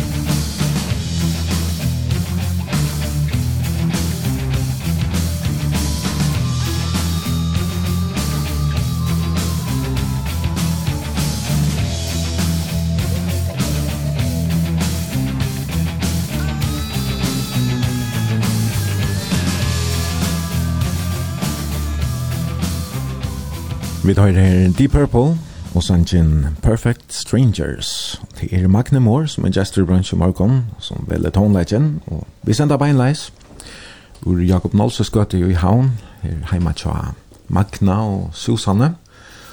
Og vi sender beinleis det blir til at sender denne helsen en vimersting til en spurning av 22400, et eller annet bedre av Facebook-søgningen brunch, det var BRUNSJ Her er det, her kommer noen spørninger, men jeg halte vi bare bøye lyd som vi tar om den.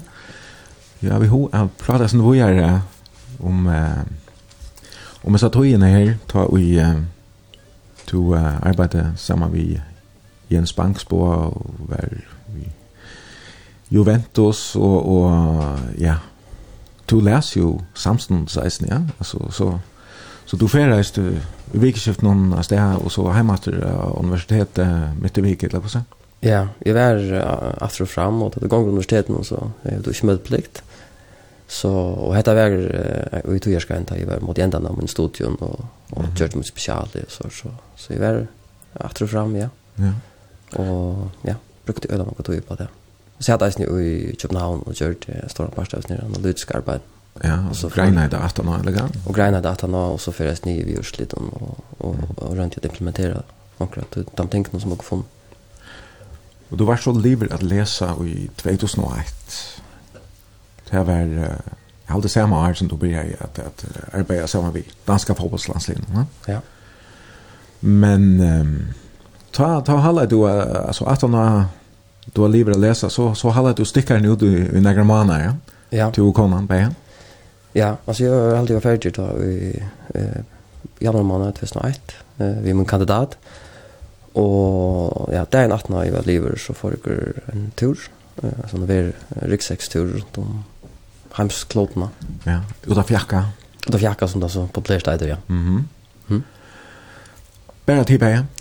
Bare og bæge, ja. Men så da man fyrir en sånn tur, så, så møtes man, møter man uten noen folk alene, og øren fjakkaren, øren danten, og, og så fylles man med det her, men det så. Ja. Hade du planlagt allt väl och ändå förra stället? Alltså, gud planlagt stora linjerna och så, så blev det sin drövelse. Ja. Men det hade alltså, öppna biljetter från städ till städ så, okay. så man kunde så man kunde ja, vara sin spontaner. Och, ja, men ja. Och, Kvar är runt och i sydöstra Asien först. Ja, kvar, kvar, kvar var första landet i får till? Det var Thailand. Okay. Eh, och så färdes jag i Thailand torst, det är tomt. Eh, var eh var fra fra enda enda her i Thailand. det brukte nok av tog her og og for så in i Laos og Nijon Laos og til norr Vietnam og Nijon Vietnam, Vietnam var det sen i langa tog og, og så så så var grad herfra til eh, Australia. Mhm. Mm eh og her var det eh, ikke så langt og går i, i Sydney og Og så var vi i Melbourne, og vi er en, en granskinkar kamerat kommer, som bor her. Eh, og eh, så fløy jeg fraks fra New Zealand til Fiji, og her var det nok lunch. Ok. Eh, ut til noen eh, några hon Odjon här Odjevär. Okej, men jag svor med och slappa av eller kväll. Ja, och här var Odjon då kunde inte bruka pengar och att han Odjon han stod då dalte för jag få en sån bungalow och och så skulle man hjälpa sig inte till eh eh vi att göra med och så förstår man. Och vad fick du maten från så? Nej, det här var ett ett ett huske som som åt fem fem bungalower som låg nere vid stranden och så hjalp man till här och ja, var ute och och och spjåtfiska i ja, ducka i, i mannen vi så var här ja. just nu och här var alltså var inte kommersiellt virksam som så det var nog så särskilt. Mhm. Mm så ja, så folk härifrån till eh, USA og eh var en tur i Kalifornien och får så en tur ner till Mexiko.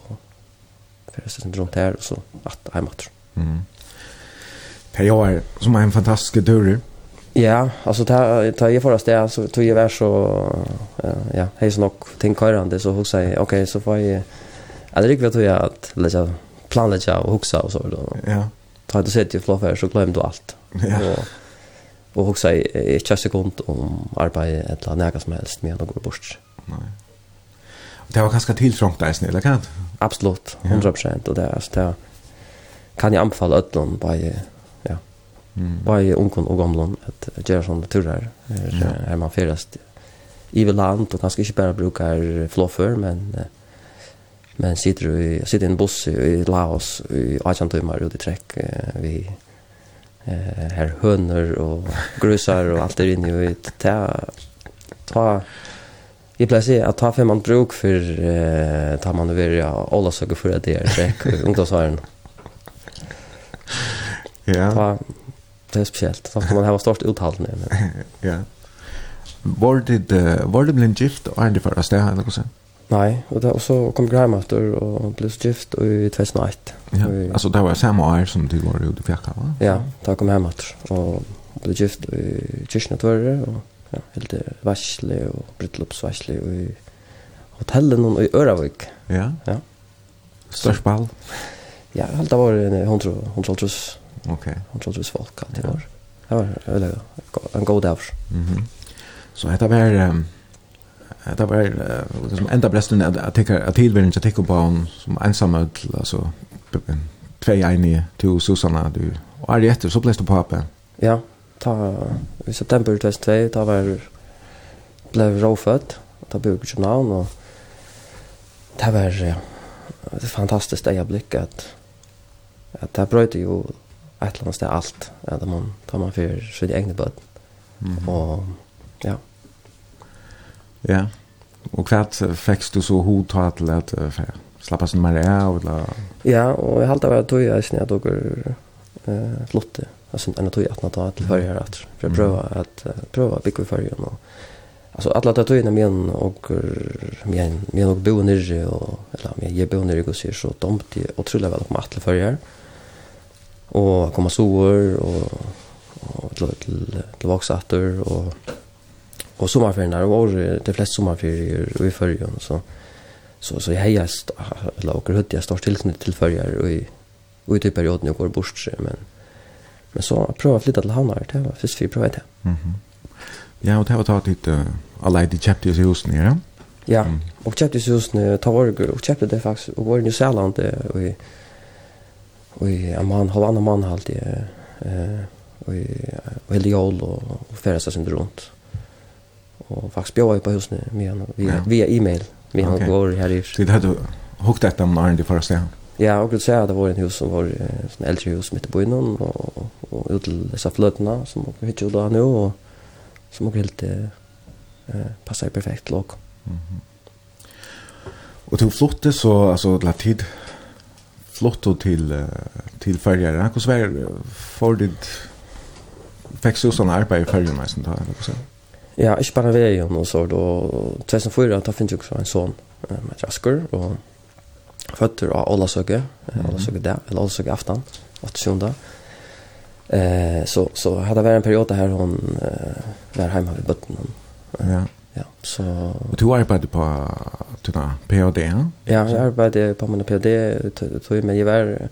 altså jeg började på min PhD, men jeg var så jeg visste ikke om i noen øren, og visst när vi fotbollsmän og fotbollslinjen någon här och där och att det ble sånn försinka og så så at jeg arbeidde på min PhD her, ja og og ja, da, da två jeg skal jeg vant vant på 6 og jag och ja och arbetade sen og, og, og, i studentskolan jag vet färdas eisne nyer i mitten och kanske är det eisne i hemmen och hålla fyrlästrar och eller vad Ja, färdas eisne är sen och och church projektor att de möllas runt det perioden yes. Skriver en en lustare och 2400 skriver en Om bor Atlantic ser det under linje ja, en ung man som var äckliga moderna av ölaten. I helt mot att spela om det var okej okay, vid Otto Brei vid Kärspetjöte. Sverige undrar mig. Jag har själv sig, är det äntligen? Han sa ikke bønda slir ut, dette var Magne Moore vei det nu. Det kan skal være en av sånne turen om til skola ut angstande, helt fyrir lester fyrir snir, store støtten om, så da kan man kjøle komme i kjipsfetje og kåpabuksen, ha? Hei, til det er det. Vet jeg at livet, altså, jeg har vært dubbelt liv eller føler man kanskje ett hållt liv här ett hållt liv nere och ganska är ni är ständig och så. Det är det hela fint vi.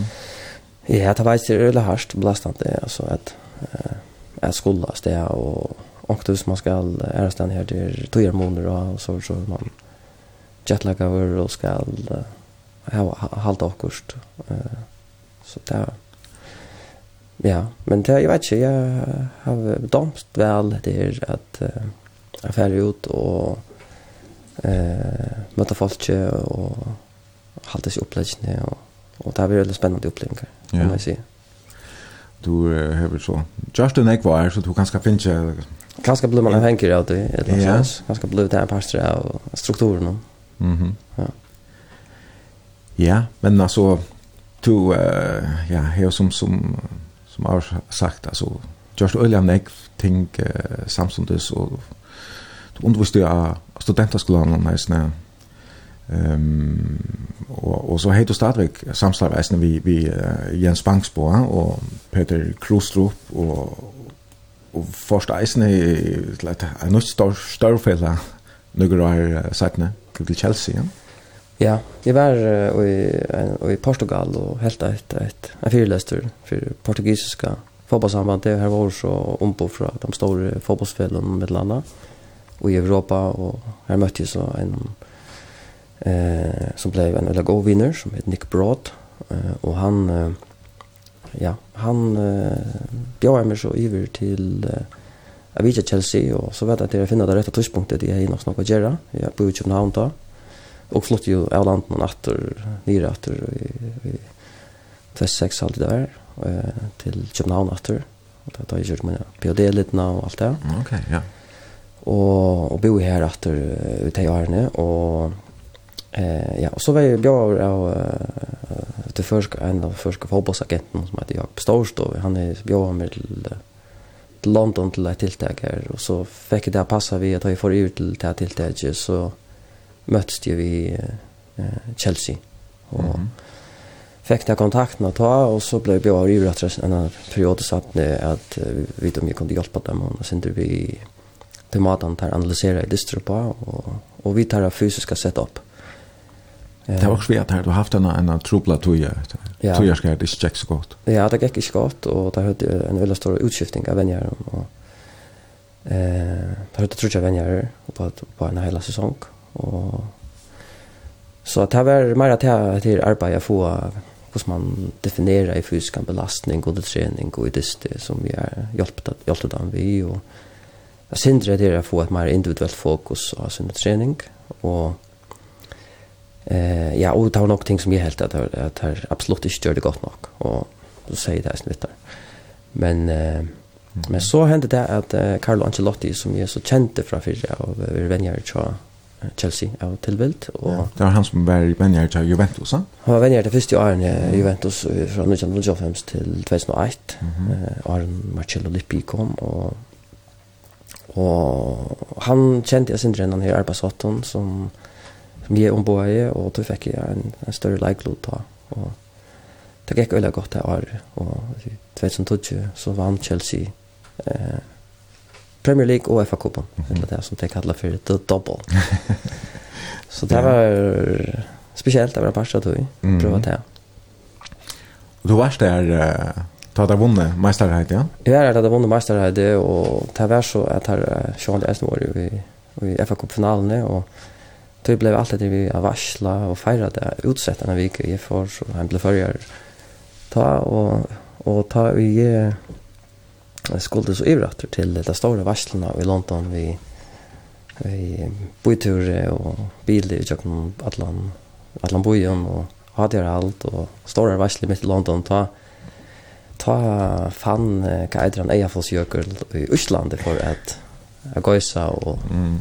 öll lovfärsla i Europa hela norra Europa stäcka ihop. Och så jag var sittande efter. Så du slapp an kan vi. Så ta Så en av skärden tar väg faktiskt i i Island och gjorde jag för isländska det och så åkte så tar man hyllde fyra så får man en gav i att han då fick en petti av snö i öknen. Ta hej hoa kastat efter men det gör det sig. Nej, men uh, ja, det var väl sånt där enkelt då. Inte inte kunna släppa över vid till till akkurat det här. Men du gjorde så PAD när jag där litna är snä och är då för evil här till Chelsea ja och är fel det var 2000 tjej allt ja. Ja. Du att du blev lever. Ja. Och hur var det Det var heit var møye under intenson intervalle intervallarbeid vi referanser til fotboll til og da, Så det var det var alt jeg kunne ha hagri einheit det som du arbeid vi og det som du granskene fyrir og så erst jeg vil skriva Legast PhD i fyrir gestin. Ja. Og han er så eisen givin ut som bok. Ja. Er hon uh, av førskånd eller øremalen? Nei, nei, hon er så enskånd bare. Mm og, ja. Så han kan ska bli brukt av, av øremenjeren om... Ja, eller, eller og jeg kanske ta mot som granska innenfor det samme øtje og så är det, ja. Mm. Så, så, så igjen tar så er vi ja, granska just nere og noen herrens år og skriva noen greinar og sånt. Det er så som eh som är till konsulat av neten och till öl. Mm. Så. Ja, och du vill ge um, flera andra böcker ut eisne och, och som du säger uh, greinar och och um, så har du eisen just omkring utraka utraka utraka kanningar i i följorna eller andra här kanningar av förskum kvinnor.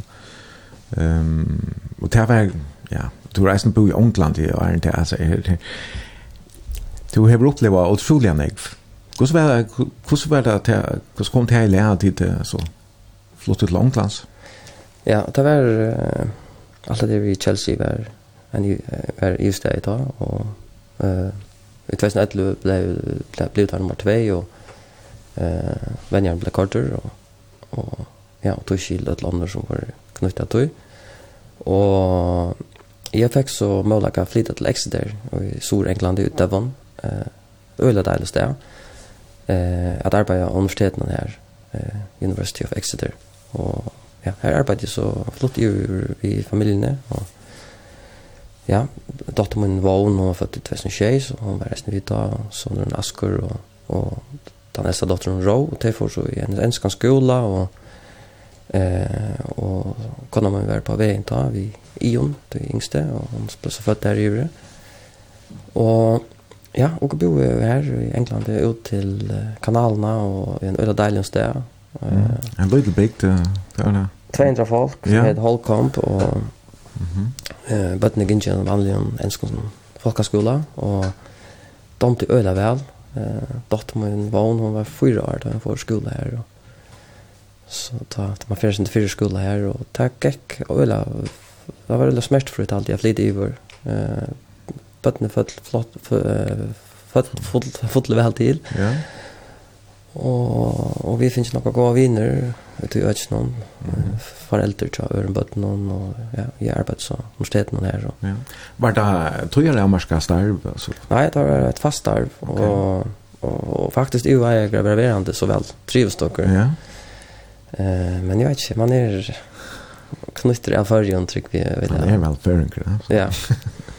släpper man någon kan det är vi ganska över till det så. Nej och och och det är fantastiskt att vi är i Sverige och Sverige är ett fantastiskt land att bygga i och mhm. eh och eller och knut och ja och flott så här matter och ta i 2013 ta nu spurte man så här granskning i Sverige och så ta Det har vi kostat hundratals halser och värskatlan alla möjliga ställen men jag har just när jag går i förrjön och jag fick sådana pengar från granskaren till att sätter sig uh, SOS heter eh, mm -hmm. svim och spel. Okej. Okay. Det var några koner som får träna några för att svimma, några för att spela fotboll och så så hukte man att effekten av tog i att jag ska. Då kom så hem att och eh för jag är kanske att vita att jag ska för jag vita om man kunde göra det här lätta och granska för ju och fick omedaliga stora hjälp från landsjukhusen eh helt otroligt flott eh det som det som där jag fick här från det är släkt bort till hvis inte var för för landsjukhuset och det för folken som arbetar här.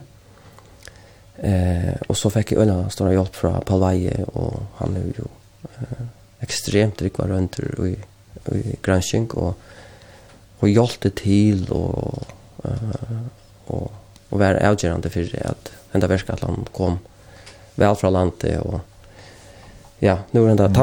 och kors några är här så igen men mm. den där värskatlan kors det något är nu och för en vecka så igen då har BBC var i förrjun och just en dokumentärfilm om dessa värskatlan. Mhm. Mm så så den där dessa hesa som för sparska ta till vara till vara broadcaster här till Allan Heimon och en av de här stora programmen kör BBC. Ja blev blev det göra upptäcker ta är snedle allt så nutchar upptäcker. Nej nej, heter upptäcker task det tror jag vi köra till vi fotboll för hälsa, fotboll för health och fotboll is medicine som är sort.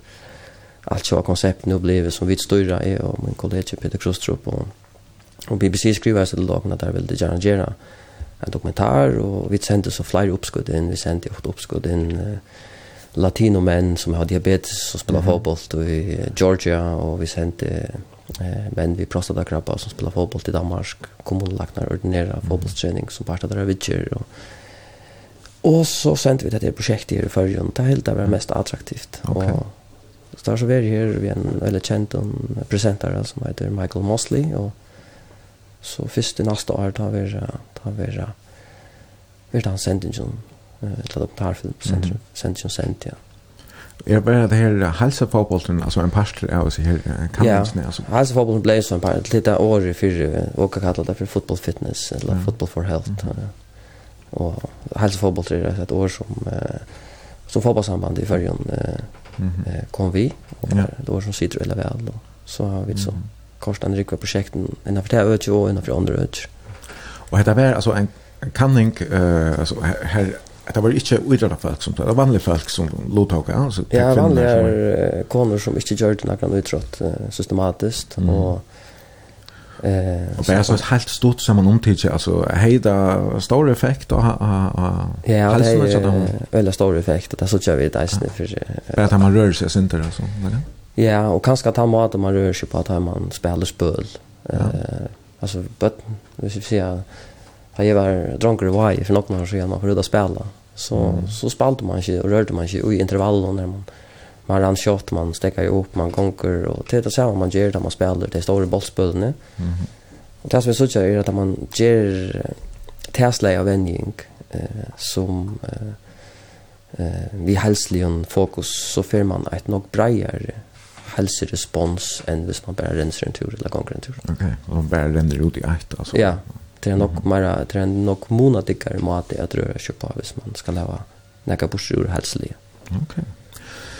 Spännande. Det får vi så att uh, så tja mer om det här filmen han kommer att snuta av Netflix och eller vad det Ja, eller onkel onkel är som strömmen till oss, Ja, alltså där han vill så tas BBC ger det där Jensen sending det sänder det och tar egna raser men så säljer det det till uh, alla möjliga raser och med landa Netflix och är ja. Så det är Ja, det kan være klingt på worldwide chat. Ja, ja. Ja. Spännande. Nå, Magne, jeg hadde visst for å spille en, en sangkatrat, og nå har vi ikke avtalt om vi skulle teka, skal vi ha, Bruce Springsteen eller Leonard Cohen, kanskje? Eller? Det kan godt være Bruce Springsteen, bare. Ja. ja.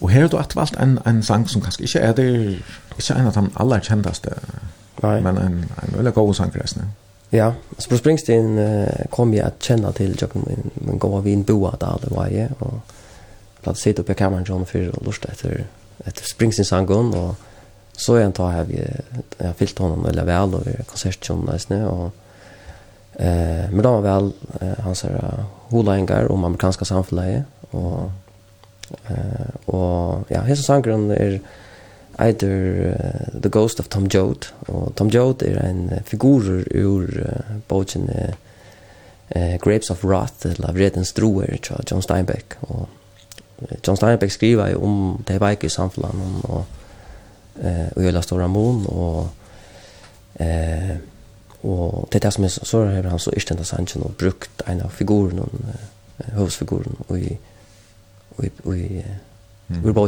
Så det er alltid noe så fascinerande om er damer väl årene och, och Sancho. Vi tar igen här. Bruce Springsteen, The Ghost of Tom Joad.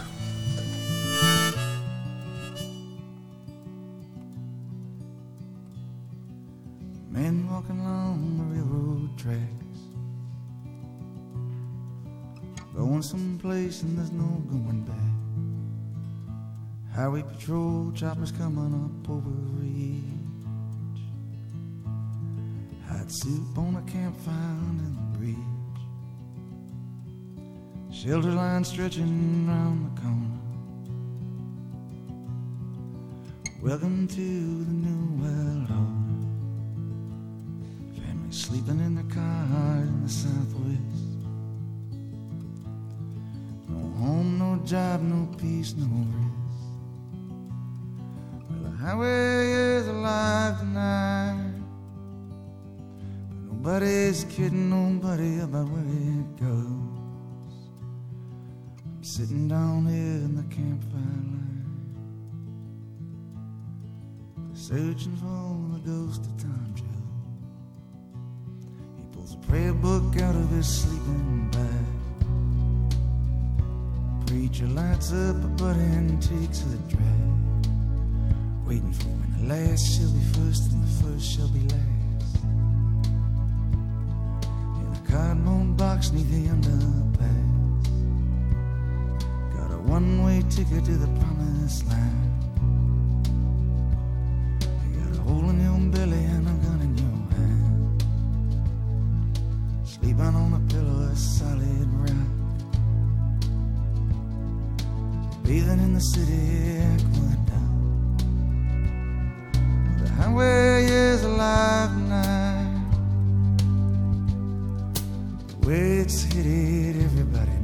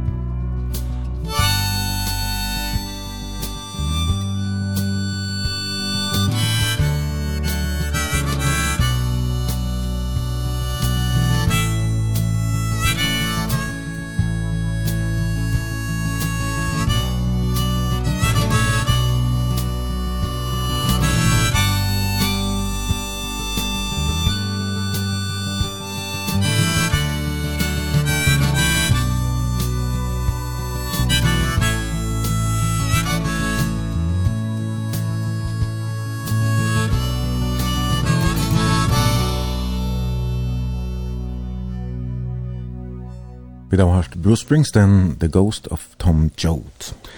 Det er Magne Moore som har vært gestor i morgen og i brunch. Vi har sendt beinleis og Jakob Nålsøsgata. Og det er flere som har sendt uh, omkrar helsaner, omkrar, omkrar utskriv, omkrar spurning og Facebook-synet, så brunch og omkrar vimerkninger kommer næsten ja, 24.00. Det er for at hitje etter nå om en apiklet til løte, til at vi narskast enda noen Og vi kunne ta oss av at rett, til at her er nekv etter at hos om. Du hever uh, skriva flere bøker, uh, og med landa så gjør det to, og Svanna Hans har døtter eisen en en fysiologibok av, av føreskona, grunnbok i arbeidsfysiologi og venningarfysiologi, som er atla, er atla til undervisning. Og uh, det var bare at hon har to kanske höra som funnit av at det manglar kanske också för den først heite og annat eller hva? Ja, det var ute til Jörgen da jeg var av studentskolan och arbeidet sammen med Svanne, som er en veldig stor av vidan, og nok var rundt der Og, ja, og snakket om så gjør dere først tilfelle, og tog utrott av fysiologiske ødsene, og som man heier til eisene, og det ble så til seg båtsene som som och skriva samman. Mm -hmm. Ja, det var en sej process till att eh för mig är vara vänner att skriva och, enskon bära och eh och det heter kände man ganska från danskon men att eh, alltså arbetar vi att uh, få ta ut av förskolan det var ju enkelt. Nej. Men det här var öde gott att Svanna hon är snä över störst in lite för smal och är förslärare så så det var det är nog inte spår till ordentligt utan igen. Ja. Og så er det bøker av enskån uh, Individual Training in Football som eisen er uh, omsett til kinesisk og arabisk da? Ja, og eisen er det testing in football, eller fitness testing in football, ja. Mm. Det er omsett der, ja. ja. Og i 2014 så var det sett vi starv av Fråskaparsetter Færja som lektar i helsevisendom. Og ja, her starvast du så enn. Hvordan var det her å komme her?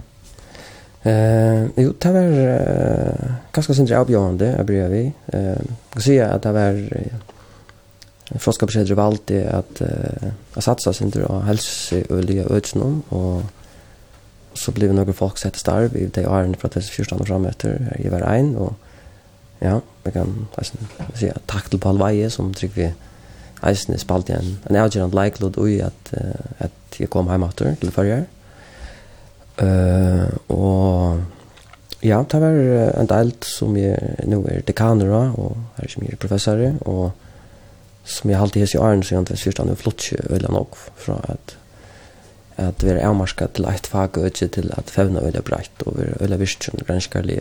Så, så det var en øyne spennende tilgang, og jeg vet ikke, nå har vi arbeidt så nok ære stedene som du har nevnt, og Men att arbeta i förrjun är fantastiskt. Ja, då, man följer, eller jag följer, att man gör det för förra land och förra folk. Och, eh, till större vir i ett land där för till arbets om man kan det göra i förrjun följer en del där jag vill arbeta för utländska stående. Ja, kvi, altså, eller tror jag att att vi manglar sån ekvitt det, for jeg er så lite Nej, jag tycker bara att det är att jag är stolt över förringar och ja. och att man gör det för det landet som man mm -hmm. ja, kommer från och bor i. Och det kostar inte annan som gjør det. kanske i mån til er sen ute i hemmen eller kanskje, jeg vet ikke, det er jo större om större hela och Ja ja og, og vi har väl i ju og så har du har du har nok større impact mm. om man säger om du arbeider som en badnagare eller en skola eller en froskabarsett eller vad det är så har nok større avvarskan av samfunnet. tog det så lite og tog tog det veldig allvarsamt. Eh, han hooks ju affären. Det som man gör i en liten land. Ja. Vi måste en större land. Du blei så eisne formaver i Falkahelseranum i halda vei 2016, ne? Ja, ja, vi er tisch, det er kjent år i er, formaver i Falkahelseranum, det er så, det er en nevnda sessor, sessor eh, men som, som fyller øyla nok, og ja, det var taverande eh, landstyrskvinnan, Siri Stenberg, som gav meg det av litt, og så vet jeg så Kaleo som nu som så eh yngst jag skulle fortsette ut ut i stan. Så eh det har vært öliga helt utrolig spennende for meg, tror jag att jeg har lært utrolig nok om det første samfunnet, og om helse i öde och i förrjön. Jeg finner innlitt og i hvordan förrjär rycka et eller annet sted. Eh og en helt ören plan enn jeg har Jag finns ju ölla stora och viring för någon att de fått någon som arbetar i förrjun. Eh jag kunde vita till att man hvis man inte vet så har man ganska fördomar mot det möjligt men det är mm. ofärdligt nog donaliga folk eh, ute förska eh, hals i ödsnon. Och det har haft ösar tutning för mig personligt där att jag alltid jag finns jag arbetar samman med några donaliga folk och jag finns ett nog bredare perspektiv och på eh hals i ödsje och där man granskar innanför bestämt øde, så blir man ganska hører man ganska skyklappar och, och ser ganska inte nuansen her, lykka vel. Det har alltid hvis nere sesser under folkhalsran og hjelp mer og suttja uh, suttja breier og langer. Mm -hmm.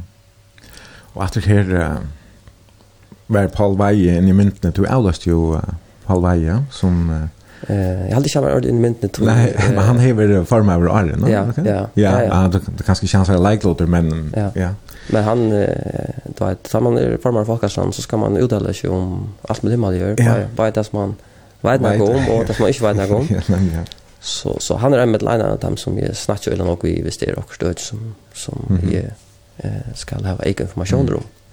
Och då ju finns mest vi fysiologi alltså fysiska hälsa men men att det första som som du det ju som formar folkhälsoramen det var salarlig hälsa jag vet inte om du har finns så näck vi vi tog men det var ett annat vi att det var sett nog så näck fokus att här akkurat då. Ja, det var något så tror att det var några landsorskvinnan yngste eh ta eh Sig Stenberg att eh, sätta större fokus på eh på sala de ötje och få ganska mer jaunstilla eh där kan man säga somatiska hälsna och det fysiska eller psykiska hälsna. Mm -hmm. Så det är något som också valde att bruka en energi på och göra det än och det är något som nu är det landslags med Kalle och inser att eh att ha fokus. Mhm. Mm ja, och som du säger som eh, som förmar fackhalsran och så så fär man olja några spårningar av ett möjligt och slä slä alltså och och och det kanske inte allt man kan svära på här och nu men så mamma så sätter sig nu inte Ja, alltså jag ska ju förhålla mig till uh, ofta när hos uh, lunch lastbil lastbilschaufförer skulle köra och andra skulle kvilla och eh om snus är farligt eller inte, om elektromagnetiska strålar, eh om dolchingar owner och allt med himmel gör och och det är det är väldigt spännande så får man nog en tillgång där mhm här man hvis man ska till dems och det så ska man ju äsna lukt inte att till höringar så att se sina mening om att att avst öke så så läser jag vanligt visst litteratur innan läser tur innan det öke och så ringer jag ofta till til kollegaer her i Førjum som har servitan innenfor det, og så samler vi reisende informasjoner utan landa, fra mm. kontaktfolk utan landa som er serfrøyngar at de er ødgjene. Du slipper helt helt undan i det til at her er det eisen kommer ankre spurningar fra ankre lorstæren som har en ega vi uh, helse i ødgjagera. Ein lorstærer skriver av Facebook Folkehelserøye feknast om fallande tali av røytjæron. Men de nevna unga du snusnuslene som er eksplodera senast i årene, særlig middel de unga. Snus stender i lysande køleskapen fremst av diskenon og i kiosknon. Nær ferdig at Nær ferdig de herna imot snuset? Ja, det er en god spurning. Og jeg har, jeg har ikke uttalt meg om snus, at det er ganske... Det er jo et, et evne som inneholder nok nikotin, og man vet ikke ordentlig hvordan vi handler det er, men det er gosir en uh, latte mat jeg ble av bunden av nikotin og ganske springbrett i til sigarettene. Men uh, snakker man vi først tannlaknar om tannhalsen av tja snusar, så er hun ikke imponerende. Og, så, så det har alltid jag snä at det väl gott hvis uh, snuset enten blev pakka långt atter i handeln och edla helt veck. Mm. Men nu er det jo eisen til at uh, Felka um fer kanskje ikke at halda fram så langt jeg tror at du blir aller helst den senaste formøveren i, i ranene. Ja, altså man uh, hever i flere omfør snakk om at gjøre en folkehelsestån og i førre et leit folkehelsestyre, om hva kan man kalla det, og Og nu har man så kom så langt, uh, og jeg har jo tvefer vi er inne i vår uh, bare tja, seneste landstyrsfolket, og nu er han det har også sittet og arbeidet vi gjennom uh, en, en strategi om hvordan man kan gjøre det. Og det kommer aller helst uh, i 2023, januar 2023, at folk har så styrer som ikke blir en radioanstående, men en myndelagastående. Som, mm. Så, så det er alltid... Som alla sunnhetsstyrelsen som danskar har, Ja, eller ganske det første fete måte jeg skapa et... Uh, en analog anstående, ja. Mm. Og så det er alltid spennende, og det er rett å gjøre, så man kan teka eh, ha arbeid av førska vidskiftene i fyrja. Mm. och Landslagten kanskje eisen til veldig... Ja, man är ikke alle eisen ble utdikken på ett tidspunkt. Om det är här och nu eller det är enn för sätten det, det måste ju visa sig men det är så spännande. En lort er spyr av SMS-kipan om Magni Atlas er at stille opp i politikken. Nej, det er jo Magni ångar ambisjoner om. Det er alltid ikke ordentlig.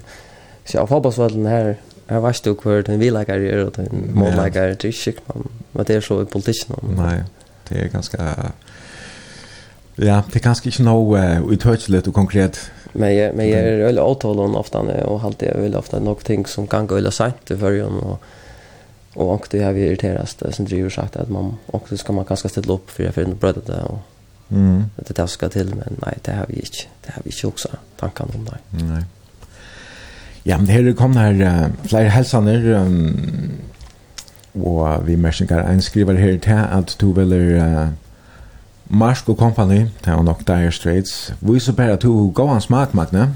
Jeg er uh, trus, og jeg lustig enn, skriver en. en annan hei, Magne, det var kanskje ikke tilvilt at lærindan vendte atter til hun hei glemt okkur, tog inn det er var nok ikke talter. Ja nærlig helsan ein gledest om tun helsepolitikk. Det var samband vi tatt hos som smadronker var ferna som alle ut ut av djupa ut i svimmilen i vaja, og det kom til enda.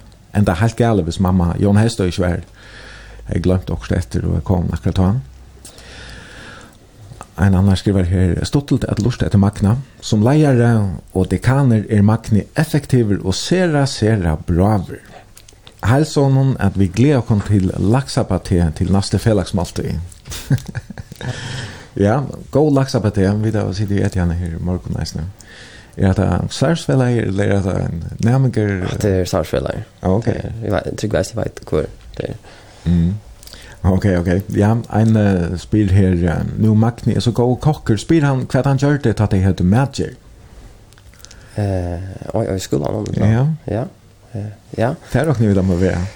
Ja, jeg eh Jeg har kök, da jeg gikk i folkhögskolan var jeg. Da minnes jeg at man kunne velge, og Det var alltid det var sånn praktisk fag og jag helt passa til å gå inn og Mhm. -hmm. Ta George Gur allt möjligt spännande det minns jag men det minns att jag var en av stronger som var och jag minns eisen att onkel så slapp jag till var en av stronger slapp ju då skolan där jag spelade fotboll och ta minst jag också så ropte gent gent när rätt med Magne nu ett och Ja.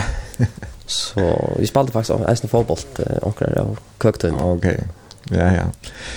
Ein skriver her stått til å høre Magna, alltid velformulera og inspirerende. Gåa løter ut i nølse som smadranger. Å oh, ja. Det er ferdast her ute i.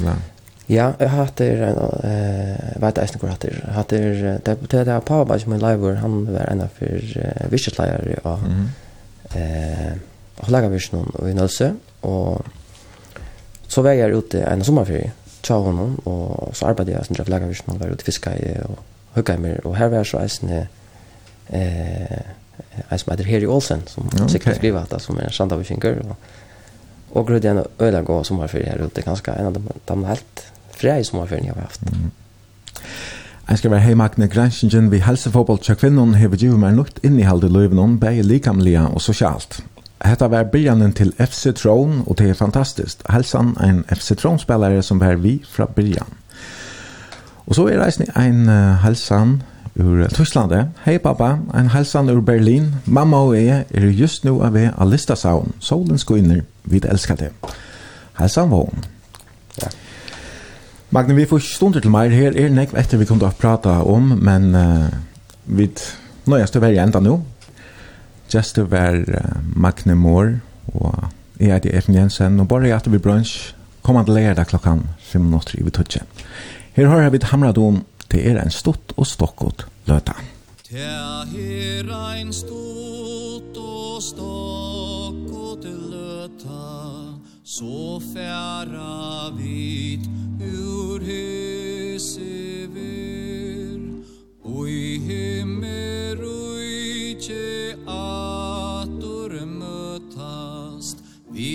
taimon som vit mist og hyr som tu valgård